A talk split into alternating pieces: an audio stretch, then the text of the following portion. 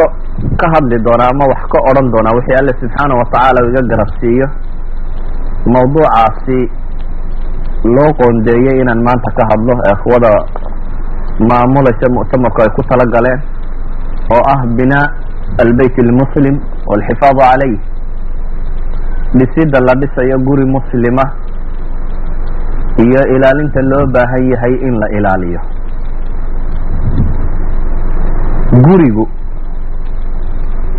sidiisaba waa qodiya arrimaha aadka u xasaasiga ah waktiga kana. Dhisida gurigu wax fudud maaha. Ilaalintiisuna wax fudud maaha. Laakiin haddii lagu guulaysto waxay astaan u tahay horumarka bini aadamka maanta dunidu waxay ku xisaabtantaa waxay yidhaahdaan alxadaara aw ataqadum ama horumar ama insaaniyad ama dadnimo. Waxyaabaha ugu waaweyn ay ku salaysan tahay jiritaanka ay bulsho ama umadi jirtaana waxaa ka mida guryaha. Ummadda guryuhu ka baaba-aan ama guriga marka la waayo ama marka ay tiro batato dhacdooyinka dhibta ku haya guryuhu waa astaamaha lagu garta bay yidhahdaan burburka ummadaha yani xadaarad umadeed hadday kor u socoto astaamaha ama calaamaadka lagu gurto lagu garto inay burburayso ama se dumayso waxaa kamida bay yidhahdaan family relationska xidhiidhka bini aadamku uu leeyahay gaar ahaan xidhiidhka gurigu uu leeyahay iyo dhismaha guriga.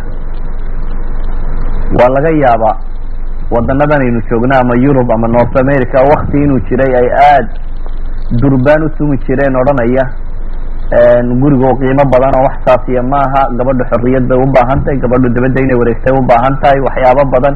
Ilaa xad feminist group iyo waxyaabahan oo dham ay soo baxeen. Oo dhammaantood aad moodo waxyaabaha daciifinaya inay yihiin guriga. Insaanku haddii aanu ku dhaqmaynin waxyiga xagga alle ka soo degay subxaana watacaala waxa uu sameeya waa tajaarib. Yani markaad waxyi ilaahay uu ku hagayo waa ga-a oo ilaah caliimun khabiir ah oo noloshu waxay ku suuban tahay iyo waxay ku xuntahay garanaya ayaa ku hagaya kaasi waa meel. Laakiin basharku marka aanay diin haysane caqligooda caadiga ay isticmaalayaan waxyaabay tajribeeyaan. Marka hore waxbaa la qurux bata. Falaasafadoodi iyo aqoon-yahanadoodi iyo waxbay isu geeyaan waxbaa la qurux bata. Iyadoo aragti bini aadam laga intilaaqayo ama laga bilaabayo wax wixii la qurux batay baa tajribe la geliya nolosha lagu tabaqaa kadib ba waxay sameeyaan taqwiim. Wixii ka soo baxay in la qiimeeyo oo la eego siduu noqday. Aragtida ah in guriga la fudaydiyo ninka iyo gabadhuba shaqo tagaan inaan guriga ahamiyad badan la siinin in maadada iyo dhaqaaluhu ay yihiin the only thing ee bini aadamka lagu qiimeeyo. Gabadha waxaa loo qiray loo xaqiraya inay dhaqaalo la'aan tahay. Gabadhu hadday sharciga wax ka barato dhaqaalaha wax ka barato halkan gasho baarlamaanka tagto ka noqoto inay xuquuqdeeda dhacsan karto. Ile ma jiro qofka muslimkaa markaynu inagu leenahay gabadha iyo ninkaba ilaahay baa xuquuq siiyey ilahaan idin kala eexanayn baa xuquuq siiyey. Laakiin markuu sharcigu mid bini aadam iyo kolba ka gacanta ku hayunba de xaqa ayaa quraya ama kiisa soconaya. Dumarku way dulmanaayeen xaqiiqo jirta weeyaan waayo sharci ilaahna laguma dhaqaynin. Ragguna wuu ka bursaday waana iska cadaadiyey. Iyana way loolameen si ay raggan isaga riixaan oo ay meesha xuquuqdoodii u dhacsadaan. Taasaa keentay inay baarlamaan timaado halkan timaado oo si ay xaqeeda u dhacsan karto. Calaa kulli xaal way tajribeeyeen waxii ay wadeen. Laakiin hadda waxa u cad inuu fashiliyey waxa u cad inay ku hungoobeen waxay moodayeen in lagu horumarayo waxa cad cilmiyan. In hadduu gurigu dumo inay la mid tahay ummaddu inay duntay. Waxa caddaaday ilmihii in la controli kari waayo. Waxa caddaaday jiil cusubi inuu soo baxay oo koox cusub ama fac cusub oo aan ahayn wixii la rajaynayey mahmaa cilmi iyo combyuter iyo kan iyo waxa kan la sameeyey. Dad haddana aan ahayn noocii la rajaynayey baa soo baxay. Waxaa caddaaday cows bay ku tilmaamayaan ama energy in noloshiiba la maamuli kari waayo guryuhu say u dumeen daraaddeed. Walidalik bay imika aqoon-yahankoodii iyo kuwoodii siyaasadda hayeyba waxay isku dayayaan in guri dib loo abuuro. In family relationskii dib loo sameeyo. Masalan waddan ka midaan idiin sheegaya waddanadan yurub projectska uu hadda wado si guri loo hagaajiyo masalan norway oo waddankaa ka imiya. Yurubta kalena ama waa la nooc ama waa ku daba jirtaa waxay arkeen guri la'aantani burburka ay dadka ku hayso iyo noloshu inaanay soconaynin. Dabeetana waxay ka fakereen si faamiligu uu qiimo u yeesho inay dadka ku hogaamiyaan waxa qura u dadkani yaqaano. Dadkani ilaahna ma rumaysna waxna ma rumaysna. Waxa qura u rumaysan yahay waa maxay? Waa lacag dhaqaale. Dabeetana baabkii dhaqaalahay ka mareen. Waxaa la yidhahdaa reerku markay isguursadaan ilmo kastoo ay dhalaan waxay leeyihiin lacag afar kun oo dollar ka badan. Ilmuhu markuu gabadhu uur yeelato ee ay soo dhadhowdahay ee waktigii umusha ku soo dhadhowdahay bisha sagaalaad meelaha markay marayso ayaa waxaa loo keenayaa afar kun oo dollar oo aan tagas iyo waxba toona laga qaadin oo aan ku jirin income-kana cashuurta laga qaadiyo waxaasi oo dhan waxaas oo dhan ka sarreeyo sidiisa cash u ah. Waxaa la rabaa inay dadku wax dhalaan. Waxaa la dhiirigeliyay gabadhu inay wax dhasho si ay tani u suurto gasho in hadday shaqaalo ahayd shaqada fasax ay ka heli karto hal sano aanay shaqo tegin oo weliba laga yaabo mushaharkeeda boqol kiiba sideetan in ku dhadhow inay qaadatana gurigeeda iska fadhiyaysaa ilmaheeda ay ilaashanaysaa dabeetna waxay helaysaa maxay? Boqol kiiba sideetan mushaharkii ay qaadan jirtay in ku dhadhow. Waxaa la rabaa inay gabadhani wax dhasho oo reersamayso markaasa ay weliba yidhaahdeen maya way fududay arrinta taniye aan sii dhiiri gelino oo maxaa la samaynaya gabadhu marka umusho ninkana fasax lacag le hala siiya ninkuna wuxuu leeyahay afar toddobaad oo fasaxa mushahara oo fasax uu qaadanayo oo weliba mushaharkiina uu qaadanayo. Liajli inuu wax dhalay. Waxbaad dhashay adiguna eh. Lacagta tan qaado waxan maxaa loo samaynayaaba umalaynaysaa iyadoo taqaani ninka reer yurubka ayaa lacagta halkay ka taagantay dhaqaale iyo samayntii iyo abuurkii iyo waxa kale halku ka taagan yihiin maxaa loo samaynaya waxaa loo samaynaya in la soo celiyo family valueski. Waxaa loo samaynaya in la soo celiyo guri. Waxaa loo samaynaya in la rabo ummaddu inay noqoto aabe iyo hooye iyo ilmo ay dhaleen oo guri ay samaysmaan. Oo saasi si loo helo ayaa lacag lagu wadaa sababtuna waxay tahay waa tajaaribtay dareemeen. Wixii way wadeen wadeenoo natiijadeedii bay gaadheen. Natiijadeedii guri la'aantu bay gaadheen. Norway waxa taqaan inay ka mid tahay wadanada waxaan la sheego masalan ilaa ra'iisal wasaarahooda uu gabadh noqday. Iminka sideed iyo toban wasiir bay leeyihiin sagaal iyo sagaal weeyaan. Ragguna waa sagaal dumarkuna waa sagaal wasiir. Yurubta kale inaan waxa iska jirin baa laga yaaba yani waa meelaha dumarku hadheeyeen bay ka mid tahay. Maamulka markay noqoto. Laakiin haddana waxaa la arkay waxaan la waday oo dhami inaanay xoog u shaqaynaynin ama noloshii dadku inay khatar ku jirto. Walidalik ba waxay soo rogeen sharciyo faamiliyada ku saabsan iyo sharciyo diimaha ku saabsan. Diintuna waa qasab iminka norway in iskuullada lagu dhigo. Classka koowaad ilaa classka sagaalaad qof kasta oo waddanka degan in diin loo dhigaa waa qasab ay waxay ogaadeen qofku diin la'aan inaan waxba ahayn. Cala kulli xaal. Inagu dad masaakiin oo mujtamac kale u yimi bayno waxyaabaan aadka uga naxaya ama ase maqlayo waxaa ka mid ah walaalkeenii muxaadaradii hore ku maqlayseen separationka waxyaabahan loo yaqaano ah fikrad taasi oo dabarogana separationka innaga maxaa loo sameeya in lacag la helo. Gurigaynu inagu duminaa si lacag loo helo. Iyana lacag bay bixiyaan si guri loo helo. Labada caqli bal ka waran gaalku lacag buu bixinayaa si guri loo sameeyo oo guriga loo ilaaliyo. Adna guri dhan oo ay dhiseen oo carruur lahaa oo reer lahaay oo islaan lahaay oo oday lahaaba la duminayaa.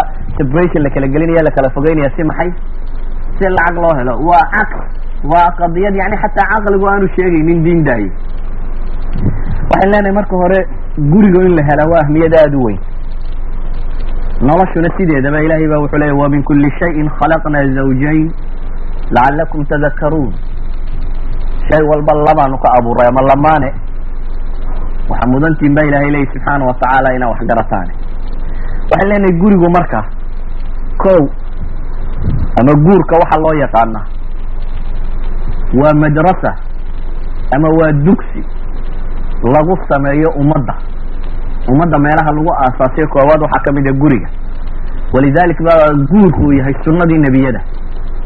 Ilahay qur'aanka wuxuu ku tilmaamaya walaqad arsalnaa rusula min qablik wajacalnaa lahum azwaaja waduriya walaqad arsalnaa rusula min qablik ilahay baa nabi moxamed alayhi salaatu wasalaam wuxuu ku leeyay waxaanu soo dirnay rasuulla adiga kaa horeeyey wajacalnaa lahum azwaaja waduriya waxaan u yeelnay baa ilaahay leeyahay haween iyo dhalba waanu u yeelnay waa sunat alambiya faman ragiba can sunatii falaysa minii buu nabiguna ku sheegaya alayh salaatu wasalaam. Xadiidkii saxiixa ahaa ee nimankii raahibnimada isku dayayey waa kii u tilmaamay anigu waxna waan cunaa waanan soomaa waan seexdaa habeenkii waanan toosaa dumarka waan guursadaa faman ragiba can sunatii falaysa minii sunadaydaa cidda khilaafta aniga igama mid aha buu nabigu ley alayhi salaatu wasalaam waa madrasa ay ambiyadu hogaaminayaan waa dugsi laga soo saaro bini aadamka kow waa dugsi qofka bini aadamka ah lagu baro waxyaabaha keena inay bulsha jiri karto ama mujtamac inuu jiri karo waa dugsi lagu baro qofka bini aadamkaa mas'uuliyadda iyo maamulka waxa loo yaqaano waa dugsi lagu baro qofka bini aadamkaa daacada iyo kala dambaynta waxa loo yaqaano waa dugsi lagu baro qofka bini aadamkaa alxub walifaar kalgacalka iyo inaad naftaada cid kale ka horumariso waa dugsi lagu baro qofka bini aadamka alcadaala iyo qaabka u baahan yahi bini aadamku loola dhaqmo. Waa dugsi lagu baro qofka bini aadamka alkhuwa walmusaawaat walaalnimada iyo midnimada waa dugsi qofka muslimka ama bini aadamkaa lagu baro atakaaful in lais kafaalo qaato oo la isxoojiyo waa dugsi lagu barto alidaara in wax la maamuli karo. Haddaad guri maamuli kari weyda umadna ma maamuli kartid. Waa dugsi iska dhan oo qofka si fiican uga soo baxa gabadh iyo wiil miduu doonaba ha ahaadee ay tahay inuu bulshada wax tari karo. Hadduu se kan ku guulaysan kari waayo waxa adag bulshada kalena inuu wax kaga guulaysta way iska adag tahay idan waxaan leenahay waa sida dadku ay uga fakeraan gurigu maaha. Dadku had iyo goor marka guri la soo qaado dalmo iyo gabadh qurux badan iyo guurkeed iyo intaasunbaa caqliga dadka ku soo degdega. Laakiin intaa maaha. Intaasi waa wax kamida waxyaabaha lagu hayo laakiin waa waxaad uga ballaadhan saa daraaddeed waa wax u baahan inaynu in badan daraasayno waa qadiyad runtii aan odhan karo gaar ahaan dadka yurub yimi dawlado iyo waxba toona ma haysataan inaynu si fiican u daraasayno u ilaalinay ku xidhantay weliba jiritaankeenna dambe inaynu ummadahan sii dhex joogi karno. Ama dad jira sii ahaan karna wuxuu ku xidhan yahay inta aynu guriga ahmiyad siino. Iyo sida aynu u dhisno iyo sida aynu uga shaqayno. Sida daraaddeed waxaynu u baahan nahay mas'aladatan inaan la fudaydin. Inay noqoto mas'alo u baahan aqoon iyo barasho. Mas'alo u baahan weliba waxaan ku aqoon iyo barasho. Sababtu waxay tahay markaynu waddankii joognay waddanku wuxuu lahaa dhaqan iyo hidde. Dad waaweyn oo waayeela baa joogay aabiyo hooyo iyo adeer iyo in adeer iyo dadka room baa joogay dad tajaaribta kaaga soo horreeyey baa joogay. Qoysku markuu dhismo talay ka bixin jireen sida loo guursanayo cidda aad la xidhiidayso cidda aad ka guursanayso gabadha la guursanayo inanku goortu guursanayo. Inanta hooyadeed waxay soo siin jirtay tarbiye aada u ballaadhan oo maalintay dhasho waa taqaanin taarikhda soomaaliga ama islaamaha soomaaliyeed waxay ku heesi jireen. Inan yaroo gujiray ugu heesaysa yacni inay gabadh noqon doonto la guursan doono caynkan ay ahaan doonto. Tarbiya bay ahayd ilmahan lagu tarbiyeynayo say guri u samaysan doonto inanta tani inanka si leegoo kale iyadoo ay ku salaysantay tarbiyadaasi ahdaafta laga leeyahay guurka iyo bulshada. Laakiin halkan dadka inta badani waalidkiina waa laga yimi dadkii waaweynaa ee tajribada lahaana waa laga soo guuray. Hadday joogaanna wax lama weydiiye carruurta iyo waxa kan ischool baa loo diraa meel baa lagu mashquulsanyey aqoontan dadkuba inay helaan way adkaatay. Awal waxay ahayd aqoon lagu helo can ariiqi tajriba laakiin imika waxa leeyahy taa la waayo waa inay noqoto aqoon lagu helo maxay? Can ariiqi diraasa. Inaad baratid. Weliba waan ku celcelinaya arrintaasi waxaan leeyahy waxay u baahan yihiin habliyaynaba in koorsooyin kuushasha laydinka saaro intaydan guursanin. Oo dhalinyaradu inay coors qaadato diineed iyo aqoomeed iyo tajribeed oo ah guurka iyo wuxuu macno leeyahy ilahay qur'aanka wuxuu ku sheegaya subxaana wa tacaala wamin aayaatihi an khalaqa lakum min anfusikum azwaaja litaskunuu ilayha wajacala baynakum mawadata waraxma ina fi dalika laaayaati liqawmin yatafakkaruun ilahay aayaadkiisa iyo calaamaadkiisa waxaa ka mid a waxyaabaha lagu garto alle subxaana wa tacaala ee calaamaadka waaweyn ee alle loo daliishado waxaa ka mid a an khalaqa lakum min anfusikum azwaaja inuu ilaahay naftiina idinka abuuray lamaane. Maxaa loo abuuray? Litaskunuu ilayha. Litaskunuu ilayha. Mas'alati sakan baa ilahay tilmaamay. Inaad ku xasishaan. Asakan min asukuun waa طumaaniina waa deganaan iyo xasilooni. Qofka bini aadamka ah ilahay subxaana watacaala wuxuu ku abuuray alghariza aljinsiya. Qofka bini aadamkii nin iyo gabadhtoona keligii ma noolaan karo way dhib badan tahy wuxuu u baahan yahay harizadiisan jinsigaa inuu guto. Qofka bini aadamka ahi kuma gudan karo azina alcaabira. Zine iyo wax lamidi maaha wax lagu dego. Insaanku wuxuu u baahan yahy inuu xasilo oo dego. Guurka macnayaashiisa koowaad waxaa ka mida markaa inay qofku helaan aطuma'niina ama xasilooni in la heli karo. طuma'niinada iyo xasiloonidu waa shay ka qaalisan cunada inuu qofku dego oo uu xasilo idan gurigu waa alle subxaana watacaala siduu ku sifaynaya waxa weeyaan meel lagaga nasto mashaakil alxayaa kullaha qofku noloshan kale iyo dhaqamo kale markuu soo arko soo shaqeeyo mushkilaad badan la soo kulmo meel uu u hoydo oo uu ku dego o u xasilooni ka helo si uu berita nolosha haddana wax kale uga bilaabi kara ama shaqo kale idan guriga gebigiisuba macnaha koowaad ilahay qur'aan ku tilmaamaya waxa weeyaan waa masalatu sakan. Meel lagu xasilo inuu noqdo. Wajacala baynakum mawadata waraxma ina fi dalika laaayaati liqawmi yatafakkaruun. Ilahay wuxuu leeyahy subxaana watacaala wuxuu alle dhexdiina yeelo kale. Mawadda kalgacal alxub waa waxyaabaha gurigu ku abuurmaba kalgacalku ama jacaylku waa ashyaada koowaad ee dhismaha guriga qeyb weyn ka qaadata. Xubbigu waa waxa keena alcadaala walisaar waa waxa keena inuu qofku naftiisa cid kale ka horumarin karo kalgacal uu qabo daraaddeed. Waxaa kaloo ilahay ku tilmaamaya raxma. Raxmaduna waa ra'fa waa riqat alqalb. Waa inuu insaanku isku dayo maxay? At least hadduu waayo mawadada inaanu raxmada ka tegin inaanu cadaaladda ka tegi karin. Waxaan leenahay sida daraaddeed ayuu nabigu calayhi salaatu wasalaam wuxuu ugu yeedhayaa dadka dhalinyareed si ay nolosha xasiloonideeda u dareemaan inay hore u guursadaan. Xadiiskii saxiixa ahaa ee bukhaari iyo muslimba ku yaalay muxuu nabigu la alayhi salaatu wasalaam waa wada garanaysaan intiina badan. Ya macshar shabaab man istaطaaca minkum ulba'a falyatazawaj wuxuu nabigu yihi calayhi salaatu wasalaam war dhalinyaroy cidda awooda albaa yani taklifatu ziwaaj cidda awooda cidda guursan karta ee dhaqaale ahaan ay u saamaxdo guur inuu samayn karaa falyatazawaj buu nabigu yihi kaasi ha guursado fainahu agadu lilbasar wa axsanu lilfarj wuxuu nabigu ku tilmaamaya calayhi salaatu wasalaam isha inuu dhowrsooni badan yahay oo farjiga u xifdi badan yahay o u fiican yahay oo nolosha u wanaagsan yahay ciddii kaa weydaa buu nabigu yihi calayhi salaatu wasalaam cibaadaha ku bedelo ah cibaadatu sawm inuu sawmo waayo taasina waxay ka mid tahay waxyaabaha nafta lagu xakameeye nafta waxyaabaha lagu xakameeyo ayay ka mid tahay. Nabigu calayhi salaatu wasalaam wuxuu inoo tilmaamayaa in badan guurku inuu fiicayo dadku ay guurtaan. Bal eh ilahay ba qur'aanka wuxuu inoogu sheegayaa cidda xataa dhaqaale ahaan ay u suurto geli weydo inay guursato. Mujtamacu inuu xilka qaado inuu u guuriyo.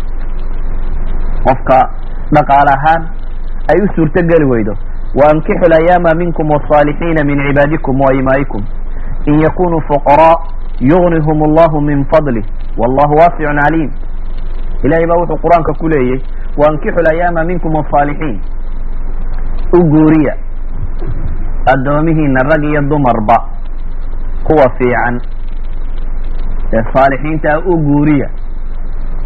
hadday yihiin baa ilaahay yidhi kuwa foqoro aan waxba haysan. Yugnihum allahu min fadli. Idinku u guuriya baa la yidhi ilahay ba fadligiisa. Wax ka siin doone. Ilaahayna waa waasicun caliim sifadaasuu leeyahay. Yani waa boorin oo alle subxaana watacaala ku dhiiri gelinayo bulshada muslimka ee xataa dadka addoonta ama dadka aan waxba haysanin ama dadka foqorada ah in loogu tabaruco oo xataa min miisaniyati dawla. Haddii xataa shaksiyaadku ay samayn kari waayaan culamadu waxay dhahdaan waxyaabaha loo baahan yahy dawladda muslimka inay qabataba ka mid yahay in dadka kan loo fudaydiyo si allaaliyo sidii ay u guursan lahaayeen. Waxaynu naqaanaa bayt lmuslim guurku inuu asal ka mida yahay waxyaabaha lagu dhawro bulshada taranteeda iyo jiritaankeeda. Waa ilaa dee bulshadu waa dabar go'aysa haddaanu kana dhicin. Waxaan leenahay guurku waa meesha lagu barbaariyo gharisat alubuwa waalumuuma aabanimada iyo hooyanimada oo ah bulshadu waxay u baahan tahay. Waa meel la'aanteed noloshu ay aada cidhiidhi u gelayso. Waxaan leenahay guurku markaasi waa mas'uuliya. Waa mas'uuliye rag iyo dumarba saaran waa mas'uuliya uu u baahan yahay qof kastoo muslimi inuu qaado si uu tuka weyna u qaadi karo.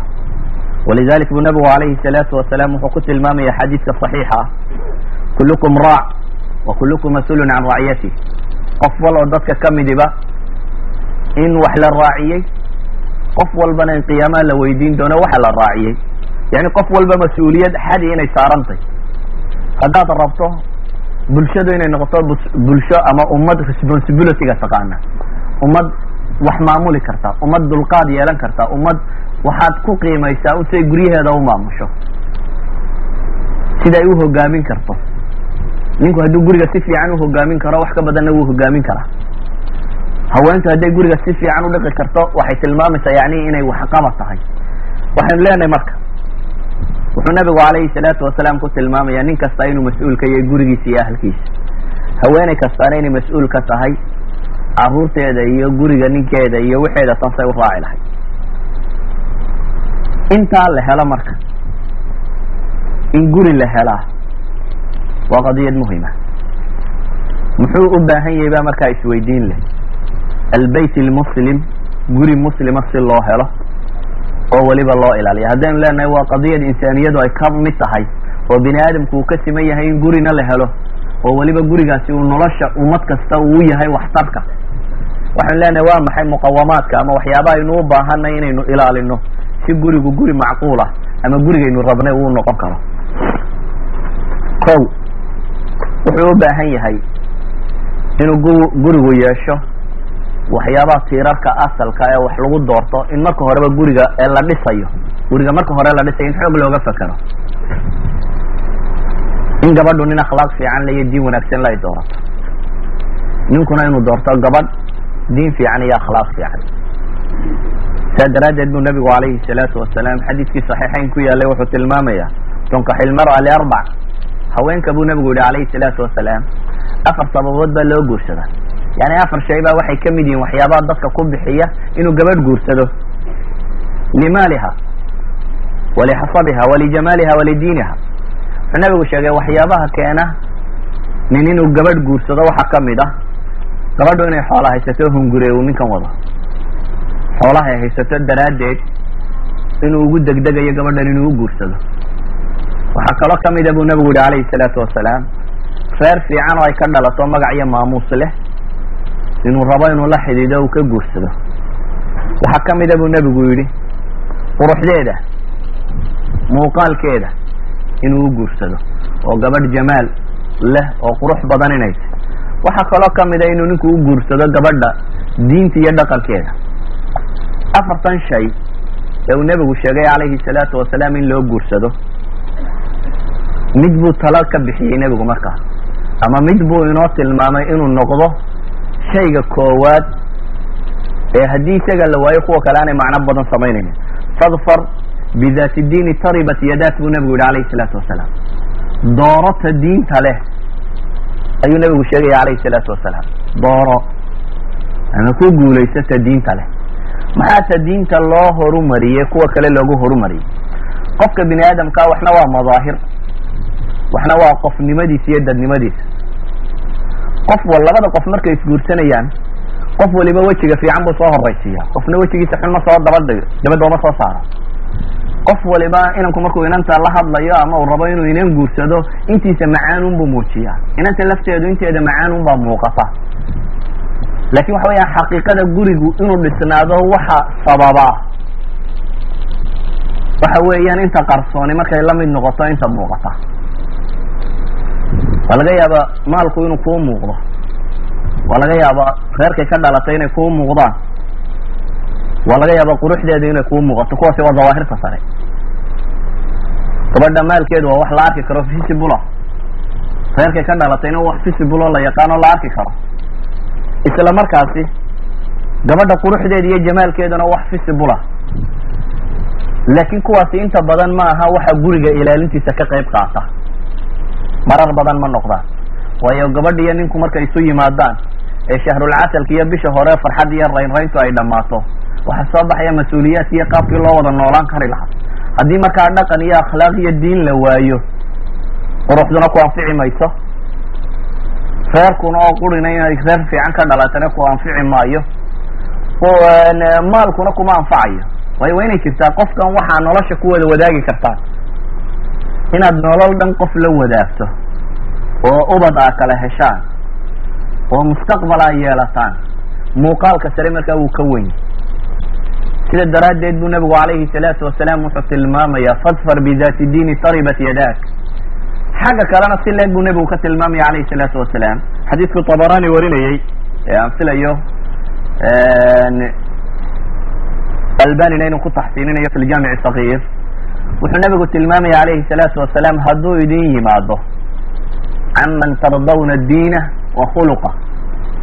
Ida ida ja wuxuu nabigu yihi calayhi salaatu wasalaam hadduu idin yimaado qof ama nin hadduu idin yimaado diintiisa iyo akhlaaqdiisa aad raalli ka tihiin u guuriya buu nabigu yihi calayhi salaatu wasalaam waila takun haddaa saa yeeli weydaan buu nabigu yihi takun fasaadun fi lard ila tafcaluuh takun fasaadun fi lard ama haddaa saa yeeli weydaa takun fitnatun fi lardi wa fasaadun cariid haddaa yeeli weydaankaasi dhulka waxaa iman doona fasaad tiro badan iyo fitna ka dhici doonta haddaad saa samayn weydaan ninkiina wuxuu nabigu leeyahy alayhi salaatu wasalaam inantaadii markaad rabto inaad cid u guuriso ninku waa inuu noqdaa canman tardawna diinah wa khuluqa qofaa diintiisa iyo akhlaaqdiisa raalli ka tihiin idan waxaan leenahay inanta la guursanayo iyo inanka la guursanayaba qiimaynta koowaad waa inuu sameeyaa qofka inaad ogaan karto akhlaaqiyaadkiisa iyo diintiisa. Taasunba adiga ku anfacda. Waxyaabaha kale waa mukamalaat aw min ataxsiiniyaat waa waxyaabaha dheeraadka ah.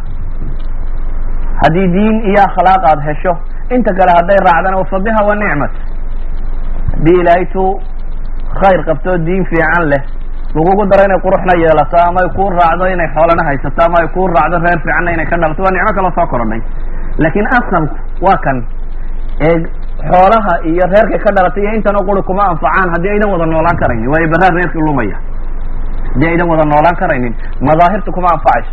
Laakiin hadduu asalku fiicnaado wixii madharee wanaagsane kale ku soo kordhaana waa nicmooyinka ilahay loogu mahadnaqe kale waxaan leenahay markaa guriga muslimka ahi asliyan waa ka lagu doorto marka la isdooranayo diin iyo akhlaaq iyo dhaqan fiican. Walidalik buu nabigu calayhi salaatu wasalaam sawja saalixa markuu ka warramayey sideedaba wuxuu nabigu yihi calayhi salaatu wasalaam adduunka gebigiisuba waa mataac. Adduunkuba waa wax yaroo lagu bidhbidhsado o lagu raaxaysto. Mataaciisana waxa ugu khayr badan buu nabigu yihi almar'a saalixa haween fiican wuxuu kaloo nabigu tilmaamaya khayru nisaa man ida nadarta ilayha saradka waida amartaha aطaacadka waida aqsamta calayha baradka waida gibta canha xafidatka fi nafsiha wa maaliha rawahu imam النisaaي lakin hadduu asalku fiicnaado wixii madharee wanaagsane kale kusoo kordhaana waa nicmooyinka ilahay loogu mahadnaqe kale ahleene markaa guriga muslimka ahi asliyan waa ka lagu doorto marka la isdooranayo diin iyo akhlaaq iyo dhaqan fiican. Walidalik buu nabigu calayhi salaatu wasalaam sawja saalixa markuu ka warramayey sideedaba wuxuu nabigu yidhi calayhi salaatu wasalaam adduunka gebigiisuba waa mataac. Adduunkuba waa wax yaroo lagu bidhbidhsado oo lagu raaxaysto.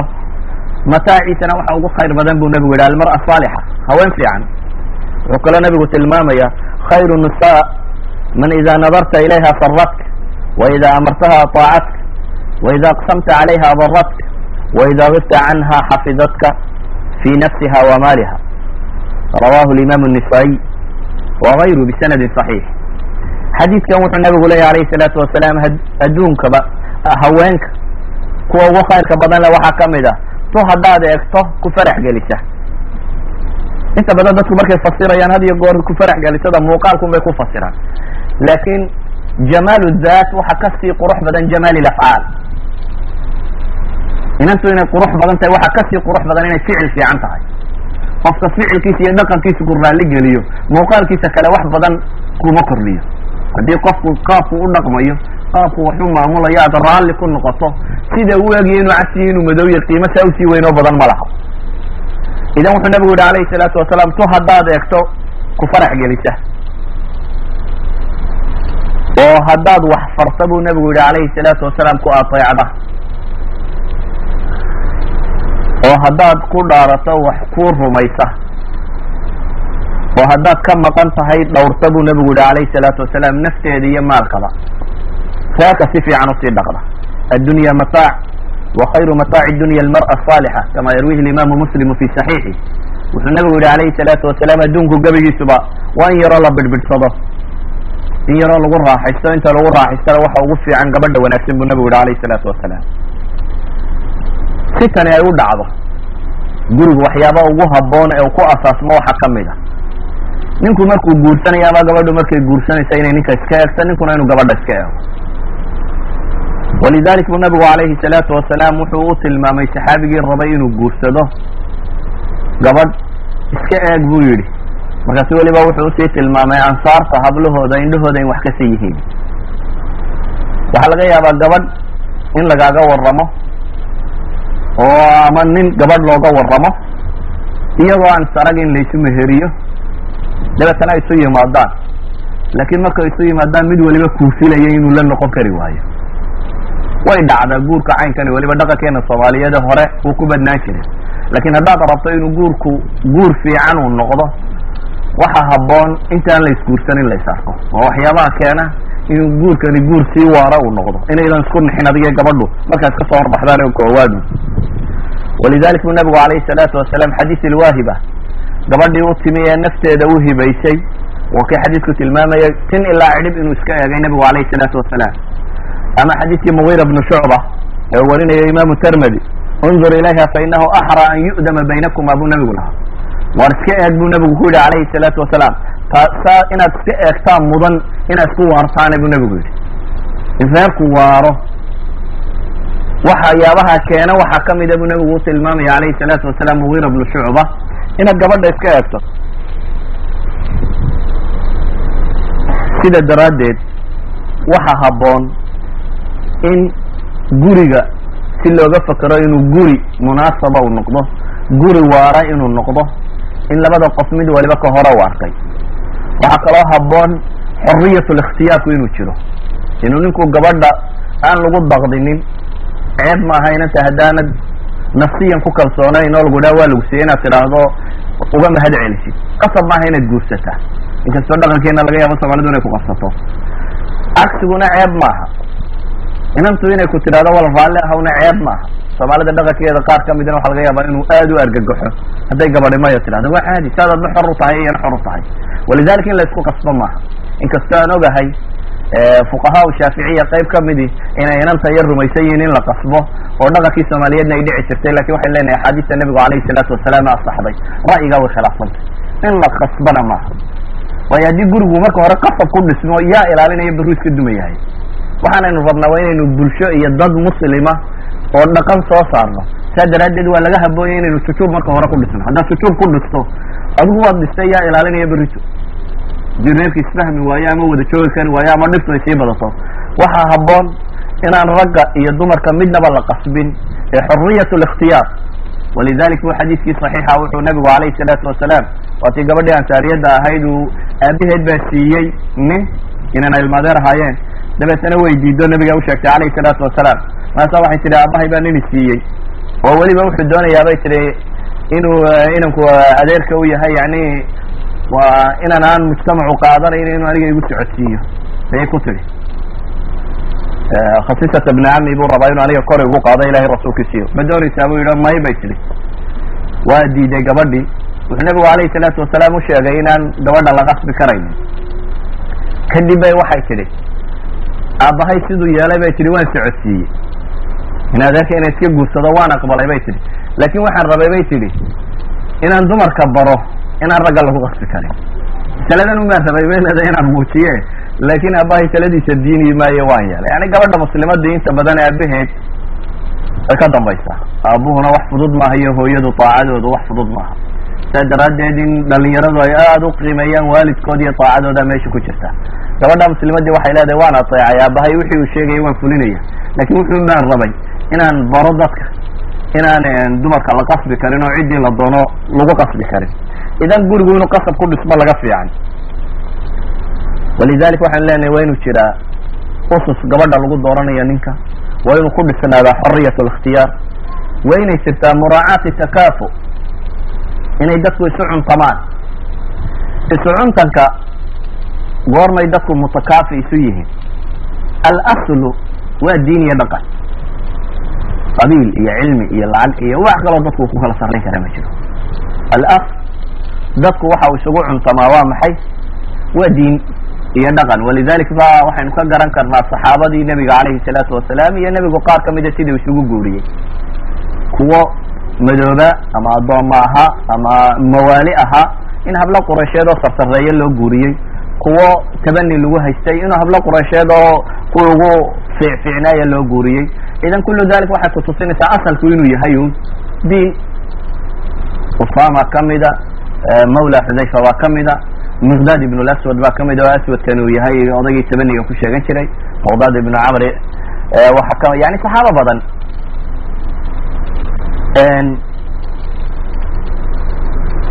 inuu takaafu uu jiro. Waayo dadku haddaanu mutakaafi isu ahayn yani haddaanu labada qof isu hiloobaynin noloshu inay sii waartaa way dhib badnaan kartaa. Kan takaafu a marka aan sheegayo ugama jeedo inay shartun liziwaaj tahay.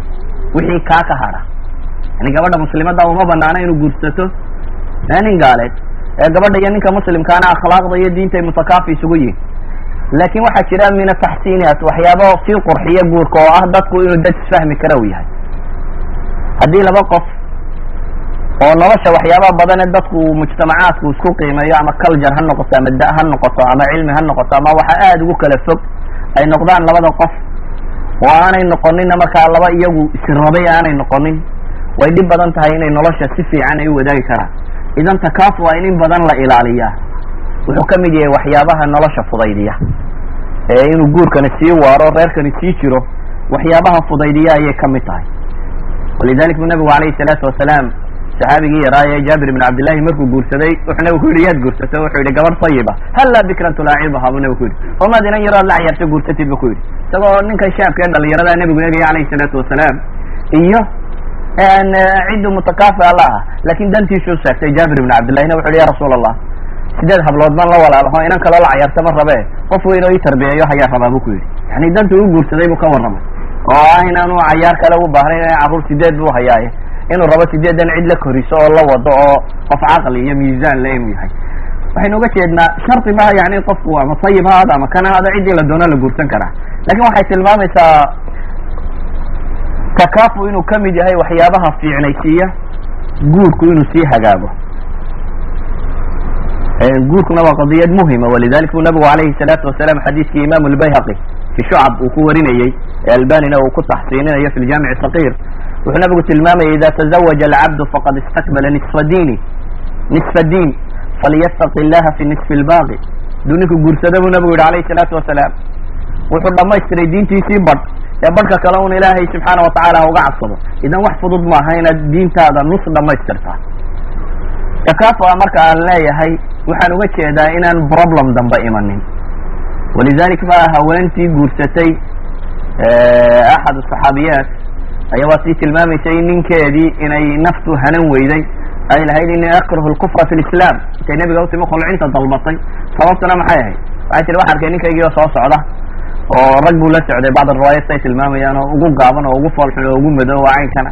Ilaahay rasuulkiisa iyo waan nafsiyaadkeedii way hayn kari weyday ninkii markaasa ilahayd waxaan rabaa inaan ka tago. Dabeetana u saxaabigii nabigu u yeedhay alayh salaatu wasalaam uu ka sii daayey cala kuli xaal masalat alkhulc waxaa ka warrami doona sheekha sheekh yuusuf haddii a la yidhahdo saa daraaddeed waxba kama sii hadlayo. Lakin waxaan sheegayaa un inuu takaafu qofku qofka inuu ku niyadsan yahay diinu qura in ku niyadsan yahayna inay ka mid tahay oo niyad samaantu inay tahay wax loo baahan yahay si uu gurigu u sii jiro. Waxyaabaha fiicnaysiiya inuu gurigu sii jiro waxaa ka mid ah inuu guurku fudud yahay. Mujtamacaadkan mucaasirka waxaa lagu yaqaana inay wax walba adkeeyeen. Meher la tiro badiyo ijraa'aadka ka horeeyo la tiro badiyo zifaafkoo la tiro badiyo. Waxyaabo obstical oo aan qofku dhaafi karinba inuu guursadaa. Waxaasoo dhamina wax wax ka tira mujtamaca maaha. Nabigu calayhi salaatu wasalaam xadiidka abu daawud uu marinayo ee albanina uu tasaxiinayo wuxuu ku tilmaamaya khayru nikaxi aysara. Khayru nikax aysaru. Wuxuu nabigu leeyahy alayhi salaatu wasalaam nikax guurba waxa u khayr badan maxay? Ka ugu fudud buu nabigu yihi alayhi salaatu wasalaam guurku marka hore inuu fudud yahay baa muhima oo aan lagu badinin meherka. Markaan masaladaa tilmaamayo ma diidani meherku inuu xaq gabadhu leedahay uu yahay oo intuu doono u noqon karo ama adigu intaad doonto inaad bixin karto laakiin alaslu inuu noqdo inuu fududaado fi maqduuri insaan awoodda bini aadamka wax ku jira inuu noqdo. Yani nebigu alayhi salaatu wasalaam waxaa lagu tilmaamaa haweenkiisii shan boqol oo dirham ama afar boqol oo dirham meelaha lacag u dhigantay inuu ku guursaday. Bacdu saxaaba waxaa ka soo arortay nuwaat min dahab inuu meher u bixiyey. Masalan cabdiraxmaan ibnu cawf oo kale xadiiskii saxiixa waa ku tilmaamayay inuu meher gabadha u siiyey nuwaat laf laftimireed in la ego dahab oo kale. ah bacdu صaxaabiyaat xataa nabiga alayhi salaatu wasalaam umu xabiba wuxuu ugu guuriyey malik alxabasha markuu nabiga u guurinaya alayhi salaatu wasalaam arbacata alaafi dirham buu ka bixiyey oo mehera bale bacdu صaxaaba xadiidka abu daawud uu warinayo saxiixa waxaa ka mid ah nin saxaabiya iyo gabadh baa isguursaday iyadoo aan meher loo magacaabin waxaa dhintay dabeetana ninkii saxaabiga ahba axad lghazwaat mashkiladii ku soo gaadhay dabeetana intii aanay naftu ka bixin bu wuxuu yidhi saxaabadii la joogto wuxu hi waxaan idin markhaati idinka dhigaya. Haweentan aan qabo meher markii hore umaan yeeline sahmigaygii khaybar gaswatu khaybar qaybtii aan helay oo dhan meher baan gabadha u siiyey ee saa markhaati ka ahaada? buu ku yidhi saxaabadii gabadhii qaybteedii bay iibsatay boqol kun oo dirham buu tegey laakin markaan riwaayaadkaa tilmaamayo maaha inuu shardi yahay in caynkaa laga bixiya waxa fiican inuu aysar noqdo si bulshadu ay wada guursan karto oo qof waliba u awoodi karo qof walibana awoodiisay ku xidhan tahay meherka uu bixinaya. Ijraa'aadka in la fudaydiyo. Yani qaabka guurka oo dhami inuu fududaado si dadka muslimiinta ay wada guursan karaan. Leenahay waxyaabahaasi oo dhan markaan soo dhaafo waxaynu kale u baahan nahay guurka ama guriga muslimkii si uu u dhisnaan karo in nin iyo gabadhba mas'uuliyaadka laga soo baxo mas'uuliyat arajul alula waxa weeyaan alqawama cala alusra. Inuu mas'uul noqdo. Oo uu guriga maamulkiisa inuu odayga gacantiisa uu ku jiro. Ilahay baa qur'aanka wuxuu ku leeyahy alrijaalu qawamuna cala الnisa bima fadla allahu bacdahum cala bacd wa bima anfaquu min amwalihim raggu iyagaa maamulka loo dhiibay guriga sababtuna waxay tahay in ragga iyo dumarka ilaahay subxaana watacala uu kala fadilay oo nawciyaadkooda kala gedisan yihiin mid walbana shaqadii alla ugu talagalay inuu ufudaydiyey shaqooyinka ragga loogu talagalana ay ka mid tahay inuu wax maamulo. Iyo wa bima anfaquu min amwaalihim iyo in iyaga lagu waajibiyey inay nafaqaadka ama maaliyadda gurigan uu ku soconayo o dhan inayna iyagu bixiyaan. Walirijaali calayhina daraja baa ilahay qur'aan ku tilmaamaya. Waxyaabaha gariibkaa waxaa ka mid ah. Masalada tan dadka badh ama feminist group weyn badan bay ka hadlaan laakin idigu dad muslimaatiino ma jecli inaan aragtiyooyinkooda iyo waxa laga sheegayo waxa inaan idin qadimo laakiin masala waaxida baan idinka sheegaya reer galbeed oo dhan. Culum lidaara ama waxyaabaha maamulka loo yaqaano management and administration waa aqoomaha reer yurubku ay aada u horumariyeen bay ka mid tahay. Waa aqoomaha runtii muslimiintana dacfiga badan uu kaga jiro islaamka dacfi kagama jira muslimiintu kaga jira casrigan nool waxa maamulka la yidhaha aad bay horumariyeen oo wax waliba inay cala nidaam ku socdaan. Laakiin marka hawa nafsi ay jirto wax maamul ahaan ama cilmi ahaan la og yahay inaanu soconaynin baa hawada bini aadamku ay socodsiisaa markay wax doonayaan si kale ay socodsiiyaan in west lama rumaysna shirkad ha yaraate hase weynaatee.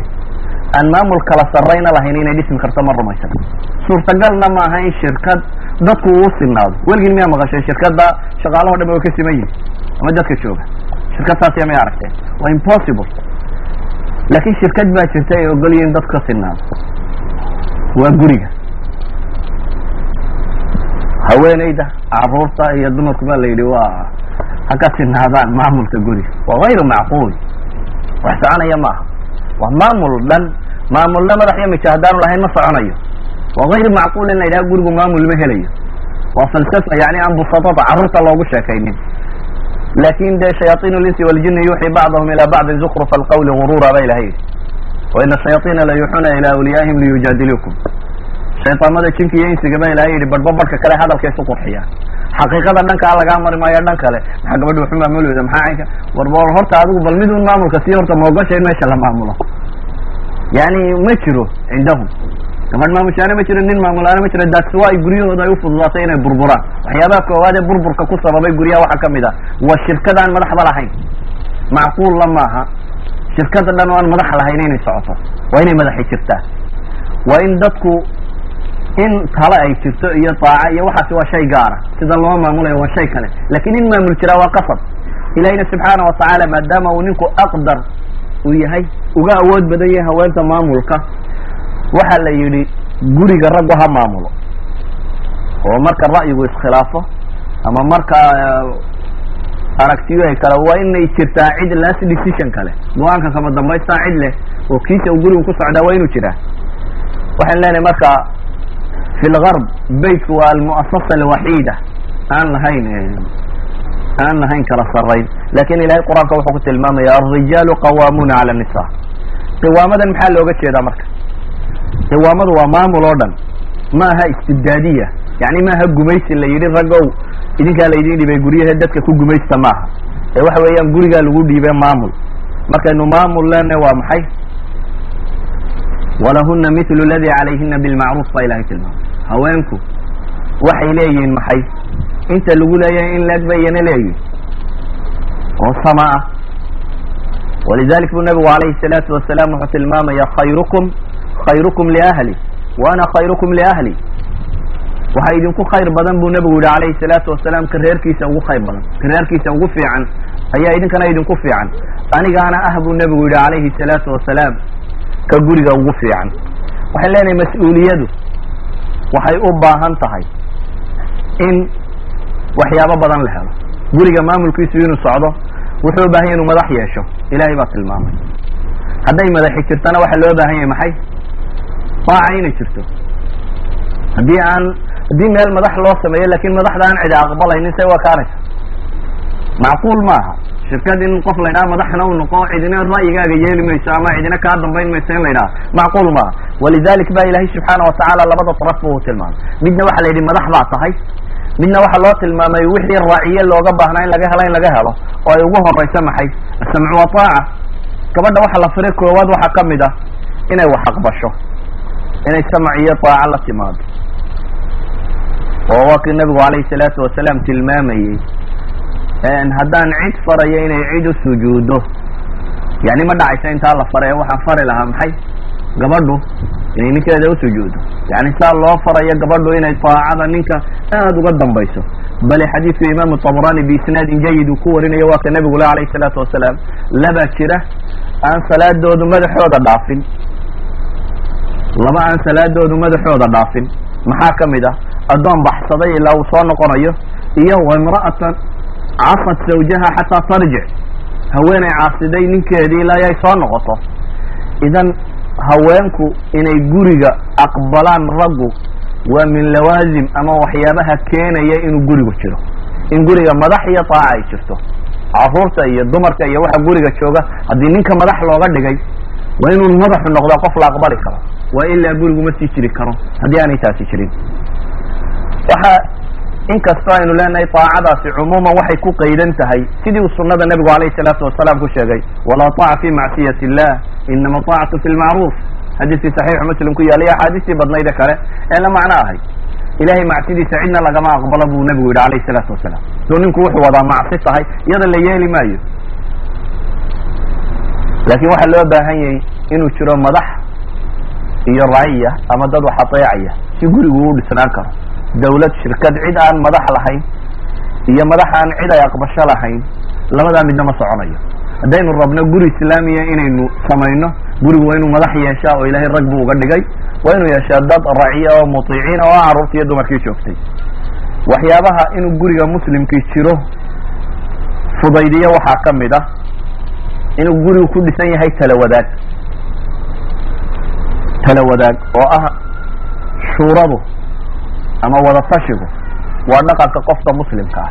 Markaan idin leeyahay gurigu waa misaal bu yahay ummadi si ay u jirto gurigu haddii shuruudii looga baahnaa lagu fuliyo. Macnaheedu waxa weeyaan bulshadoo dham inay waxa ka fulinayso in bulshadu madax yeelanayso inay bulshadu maje leedahay inay bulshadu shuuro leedahay inay bulshadu isu naxariis waxaan oo dhami waa madrasa guriga lagu barto.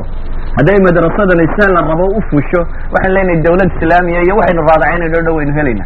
Lakin intaynu guri u taagla-nahay waxba dawlad iyo meel ka badan inaa raadraadacayni hadaad guri ka adkaan kari weydo. Wax ka badanna ma samayn kartid.